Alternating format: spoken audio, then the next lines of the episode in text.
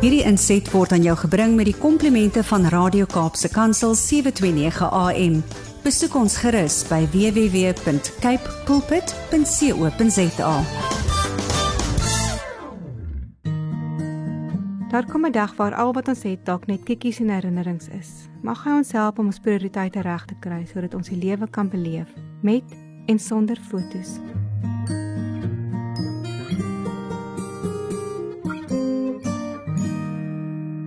Op te staan. Die vernedering en teleurstelling moes groot gewees het. Geweeg en te lig bevind. Nie gekies nie.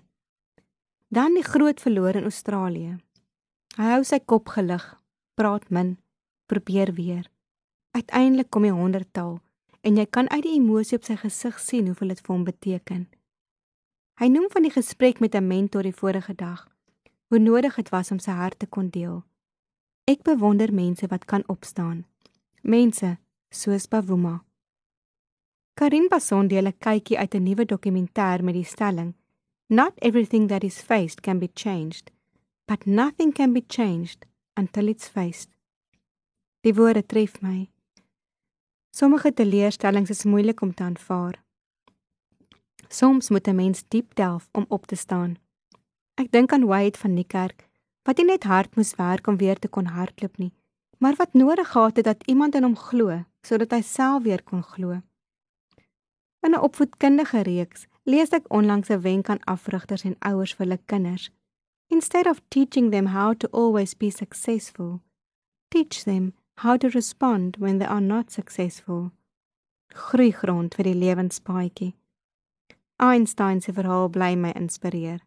Onbewus van die uitdagings op sy pad, het hy suksesvol groot geword omdat 'n ma in hom geglo het. Soms moet 'n mens net 'n ander pad neem om by die uitsig uit te kom. In Korintiërs lees ek dat ons deur geloof lewe, nie deur sien nie. Daardie vers raak 'n rigtinggewer vir my. Dit vra om jou hand in Jesus se hand te sit wanneer die pad onseker lyk. Dit raak die rede hoekom Paulus steeds kon sing al was die tronk donker en koud.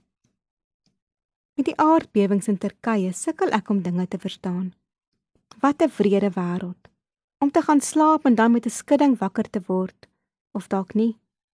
Ons is dankbaar wanneer iemand lewendig gevind word maar onbewus van die koue en die trauma waarmee elkeen moet worstel. Die verlies van alles wat jy gehad het en van mense na in jou. Waar begin jy as jou hele wêreld letterlik om jou verkrummel? In die geskiedkundige romans van Irma Joubert staan ek telke male verstom oor die trauma van veral kinders tydens oorloë. Naby ons, op die vlaktes tussen die bendes, is daar ook steeds oorloë waarvan ek min verstaan. Tog oorleef kinders teen wil en dank. Sommige ontsnap terwyl ander vasgeketting bly. Ek dink aan my eie kinders se wêreld waar hulle grootste kopseer is watter aktiwiteite om voorneem te sê. Honger was nog nooit deel van hulle bestaan nie. Om op te staan, kry nuwe perspektief. Elkeen het sy eie verhaal. Die beginsels bly dieselfde. Aanvaar hulp waar jy kan. Kyk op en soek die son. Omring jou deur mense wat jou aanmoedig. Kies geloof. Sy goddelike krag het ons alles geskenk wat ons nodig het om te lewe en hom te dien. Soms maak ons die lewe net te complicated. Oordink ons dinge te veel en bekommer ons oor dinge waaroor ons dikwels geen beheer het nie. Jesus nooi ons uit om ons hart voor hom uit te stort, maar dan sy hand te vat, sy krag in te skep en met geloof te stap die kolf weer op te tel en die bal te vys, te verander wat ons kan en te vat wat hy ons elke dag beloof, sy teenwoordigheid. Hoop begin met dankbaarheid. Opstaan begin met geloof. Om te bly lê is nie 'n opsie nie. Dankie tog vir reddingswerkers wat mense uit die pyn kan haal. Dankie vir mentors wat sportsterre weer in hulle baan kan plaas. Dankie vir ma's wat aanhou bid en glo. Dankie vir die Here wat ons nooit in die steek laat nie. The sun comes up, it's a new day dawning. En elke sonsopkoms lê daar 'n boodskap van genade en hoop, 'n rede om weer te probeer. Staan op. Not everything that is faced can be changed, that nothing can be changed until it's faced. Hierdie was 'n gedeelte uit een van my klippies van hoop. Gaan lees gerus verder uit Ansa se klippies van hoop.